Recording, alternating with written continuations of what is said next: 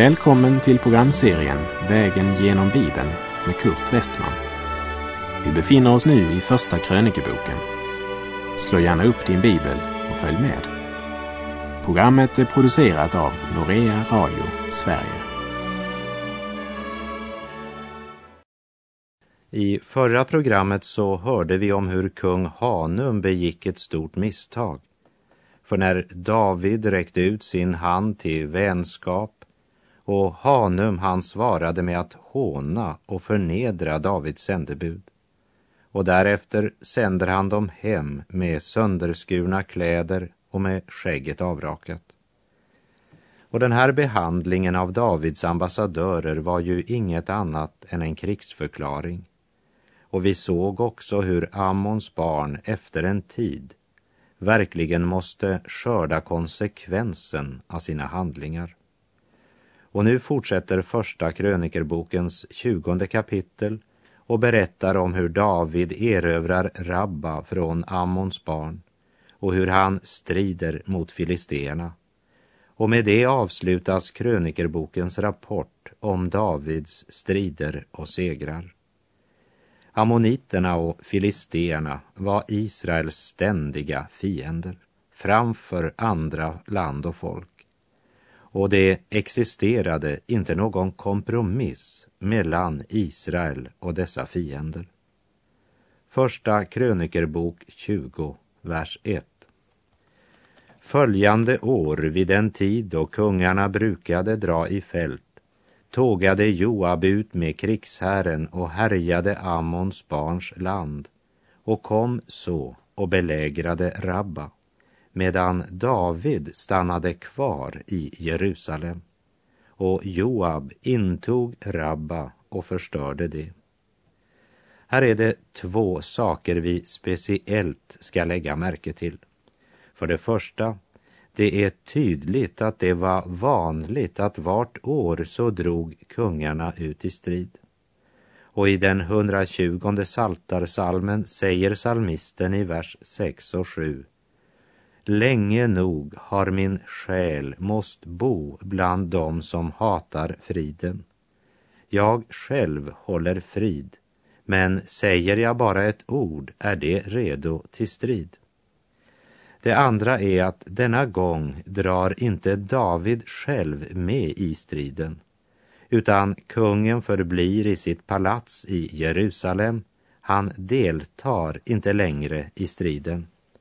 Han väljer att slappna av på Sions berg i sitt bekväma palats. Och det här att han väljer bekvämligheten framför striden, det blev ödesdigert för kung David. För det är vid det här tillfället han begår äktenskapsbrott med Batseba och därefter mördar hennes man. Men varför blir inte det nämnt här i krönikeboken när den refererar belägringen av Rabba? Därför att krönikerboken ser det från Guds perspektiv.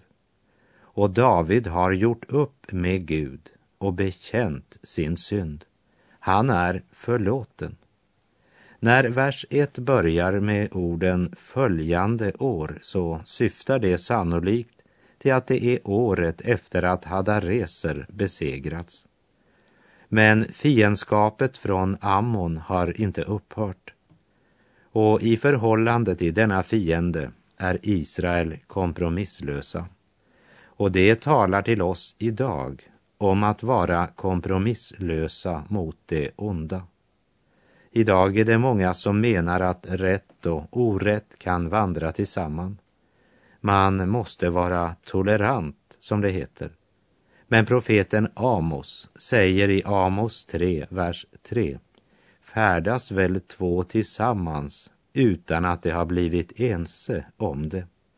Och i Saltarsalmen 1, vers 1 och 2 säger salmisten Säll är den man som inte vandrar i det ogudaktigas råd och inte träder in på syndares väg, ej heller sitter där bespottare sitter, utan har sin lust i Herrens lag och tänker på hans lag både dag och natt. Davids härförare besegrar Ammons huvudstad Rabba och därefter blir det en strid med filisterna. Vi läser kapitel 20, vers 4 till och med 6. Därefter blev det en strid med filisterna vid Geser. Husatiten Sibekai slog då ned Sippai, en av Rafaernas avkomlingar, så de blev kuvade. Åter stod en strid med filisterna. Elhanan, Jaurs son, slog då ned Lami, gatiten Goliats broder, som hade ett spjut vars skaft liknade en vävbom. Åter stod en strid vid Gat. Där var en reslig man som hade sex fingrar och sex tår, tillsammans 24. Han var också en avkomling av Rafaena. Så länge David levde var det fiendskap mellan filisterna och honom. Alla filister hade väl hört talas om David, han som dödade filisternas kämpe Goliat. Filisterna var ju ett folk som bebodde den sydligaste delen av Palestinas kustland. Och filisternas religion var påverkad av kananeisk kult och deras mest kända gud var Dagon. Filisten var en del av det som Gud hade lovat Israels barn. Men under Josua tid lyckades det aldrig Israel att inta detta område, inte heller under domartiden. Och nu drar David i strid mot denna ärkefiende till Israel. Och bara här i verserna 4 till 6 läser vi Därefter blev det en strid med filisterna vid Geser. Åter stod en strid med filisterna. Åter stod en strid vid Gat. Att vara kristen, det är att ha fått frid med Gud. Samtidigt lever man i en ständig strid. Att vara Guds barn är att vara soldat. En civilklädd frälsningssoldat hamnade vid sidan av en medlem i missionsförbundet på bussen och de börjar prata. Och frälsningssoldaten säger frimodigt, jag är frälsningssoldat. Det är jag också, svarade den andre jag är soldat i missionsförbundet. Ja, var du hör hemma, du som just nu lyssnar, det vet inte jag. Men ett vet jag. Är du frälst så är du också soldat. Och vi strider inte mot kött och blod, utan mot ondskans andemakter. Och därför måste vi ta på oss hela Guds vapenrustning så att vi kan stå emot djävulens listiga angrepp i denna underliga strid. Och är väl inte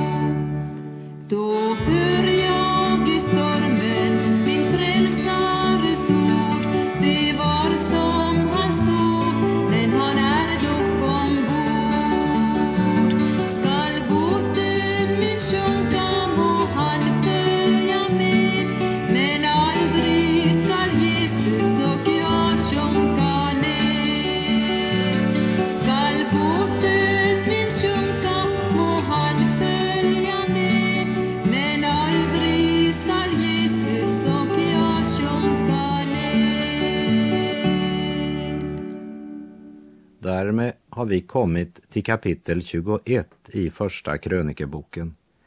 Kapitlet fokuserar på den största synden David begick och det har ingenting med Batseba att göra. Utan det är en synd om vilken många människor skulle säga jag tycker inte att det där var någon stor synd. De flesta tycker att synden mot Batseba och Uria var fruktansvärd och jag tillhör själv den gruppen. Jag är enig i att det var en fruktansvärd synd. Men i det här kapitlet, som i resten av krönikerboken, så får vi se saken från Guds perspektiv. Gud har inte återgivit Davids synd med Batseba i krönikerboken. Men han har dokumenterat Davids synd som bestod i att han genomförde en folkräkning.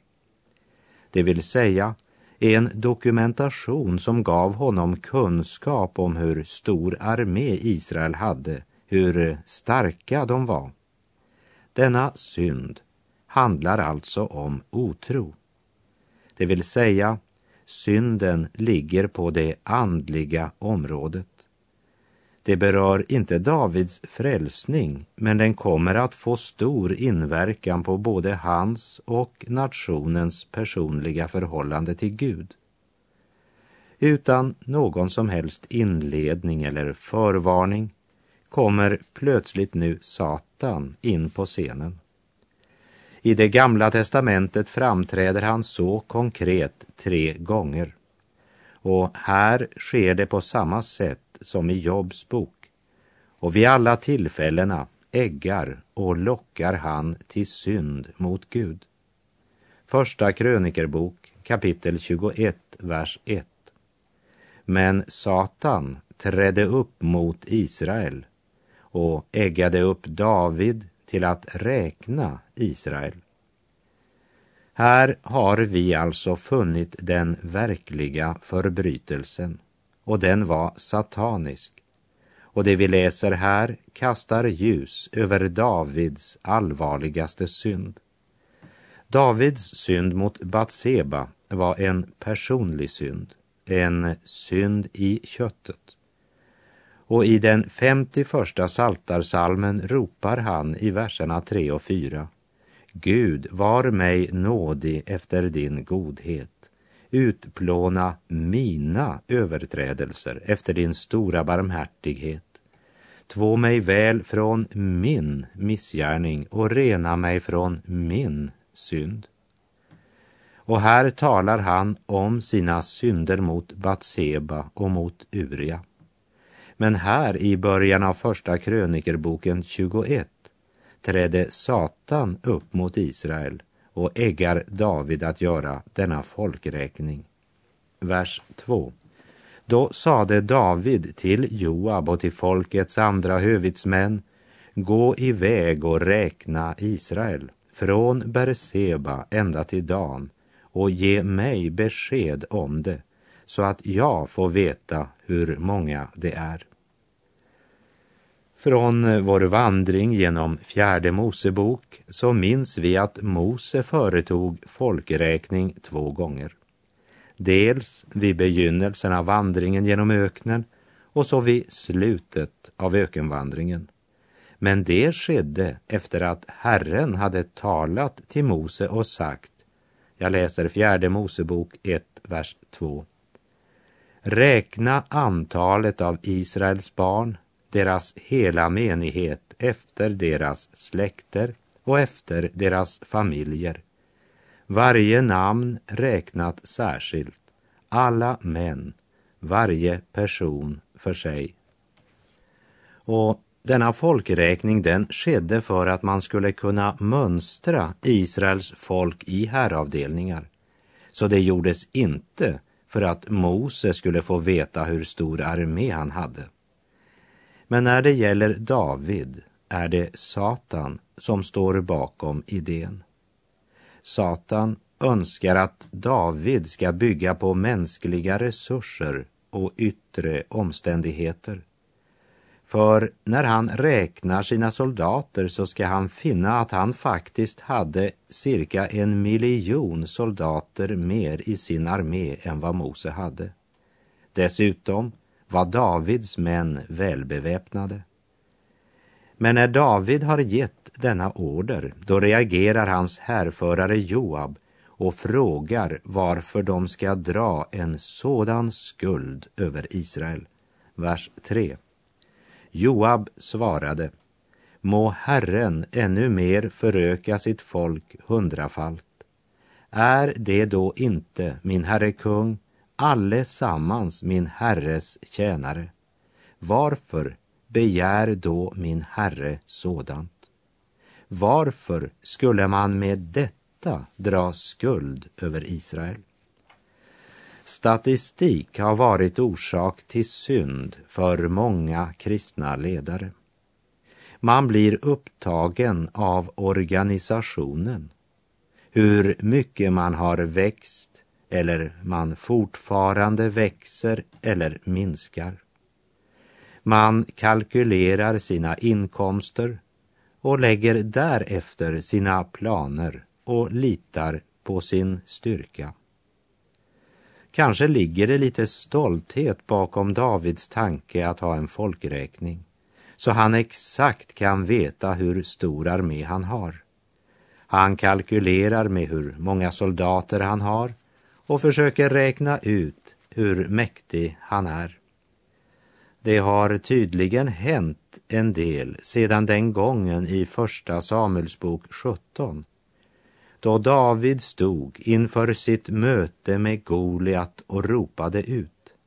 Och hela denna skara ska erfara att det inte är genom svärd och spjut som Herren ger seger, ty striden är Herrens och han ska ge er i vår hand. När David flydde för sitt liv undan Saul och bodde i jordhålor och grottor förlitade David sig på Herrens beskydd. Nu bor han gott, har mat i överflöd och är ärad av människor och han har vunnit många segrar. Han har en framgångsrik stor armé och nu önskar han stadfästa sin styrka, få det svart på vitt. Men människan bedrar sig när hon litar på sin egen styrka. Och dessutom så är det synd. Herren säger i Jeremia 9, vers 23 och 24. Så säger Herren, den vise må inte berömma sig av sin vishet. Den starke må inte berömma sig av sin styrka. Den rike må inte berömma sig av sin rikedom. Nej, den som vill berömma sig, han må berömma sig av att han har förstånd till att känna mig, att jag är Herren, som gör nåd, rätt och rättfärdighet på jorden. Ty till sådana har jag behag, säger Herren. Det behagade inte Gud att David genomförde denna folkräkning eftersom han inte litade på Gud utan på sin egen makt och styrka. Så djupast sett var det otro. Han litade på antal istället för på Gud.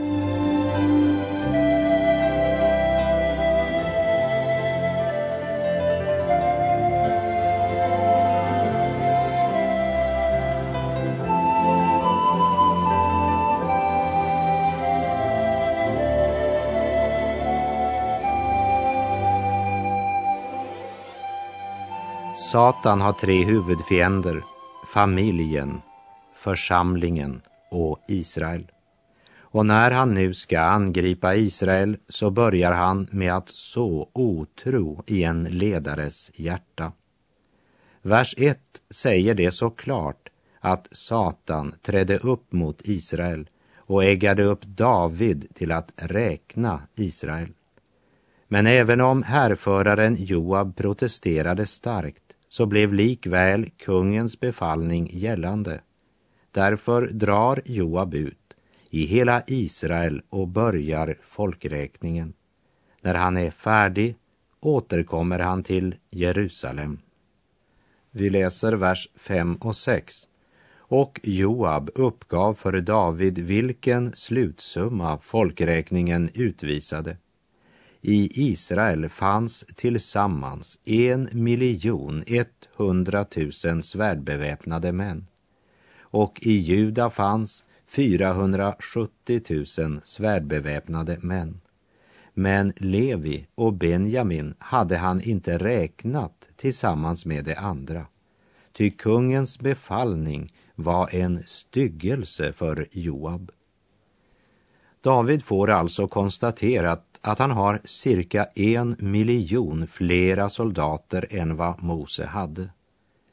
Vilken kontrast denna David är i förhållande till David, herdepojken, som kom in i Israels läger och såg jätten Goliat som hånade Israel. Herdepojken önskade inte en folkräkning. Han frågade inte efter hur många soldater det var i Israels armé. Men han sa till israeliterna, vem är denna oomskurna filisté som vågar smäda den levande Gudens här? Och till Goliat sa han, du kommer mot mig med svärd och spjut och lans, men jag kommer mot dig i Herren Sebaots namn, hans som är Gud för Israels här, den som du har smädat. Hur hade herdepojken mod till detta? Jo, han litade på Gud. Han gick ut med sin slunga och fem stenar. Min vän, du tycker inte att du behöver Gud när du har en miljon soldater. När du bara har en stenslunga och fem stenar vet du att du behöver honom. De flesta människor litar på fel saker i vår tid. Davids stora synd var otro. Jag vet att det är många som inte ser Davids folkräkning som synd eller tar det så allvarligt. Och det är ganska avslöjande eftersom Gud tar det så allvarligt. En man som halvdrucken stapplar sig in till vår gudstjänst en söndag morgon blir lätt utpekad, en syndare. Men du kan utan problem vandra in i kyrkan full av otro utan att en enda skulle regera eller se det som allvarligt. Men här i Första krönikerbokens 21 kapitel gör Gud det klart för oss att han betraktar otro som ytterst allvarligt. Och det är alltid Satan som står bakom otron. Han angriper våra hjärtan och sår otro i våra tankar så att vi inte ska sätta all vår tro och förtröstan till Gud. Han gör oss alltid upptagna med siffermässiga sammanställningar. Hur många medlemmar vi har, hur mycket pengar eller hur många vi verkar nå ut till. Ja, vi blir upptagna av allt utom Gud. Många litar mera på matematik än på skaparen. Mera på datamaskiner och långtidsplanläggning än på den uppståndne Jesus Kristus och Andens smörjelse. De litar mera på synliga resurser än på den levande Gud.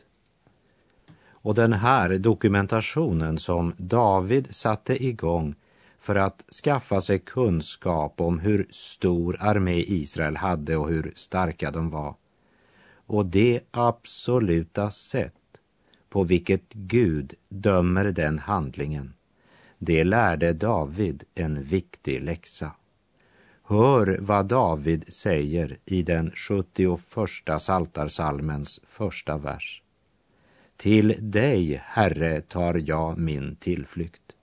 och den 118 salmen, vers 8 och 9. Bättre är att ta sin tillflykt till Herren än att förlita sig på människor. Bättre är att ta sin tillflykt till Herren än att förlita sig på förstar. Vi behöver verkligen var dag och stund fråga oss, litar vi verkligen på Gud?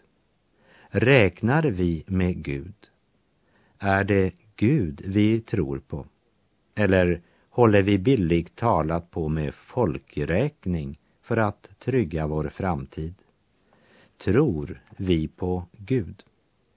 Hebreerbrevet 11.6 säger Men utan tro är det omöjligt att behaga Gud.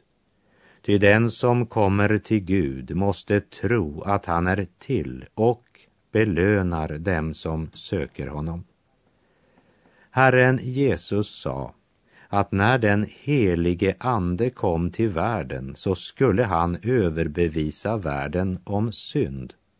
Vilken synd?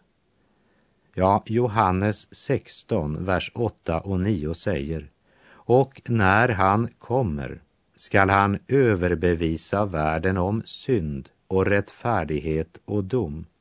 Om synd, för det tror inte på mig. I Romarbrevet 14.23 säger Paulus att allt som inte sker av tro är synd.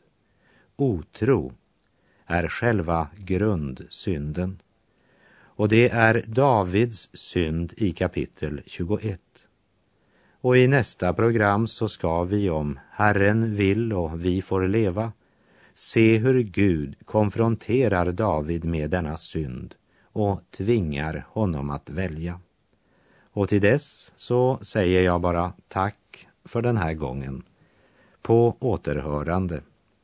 Herren vare med dig. Må hans välsignelse vila över dig. Gud är god.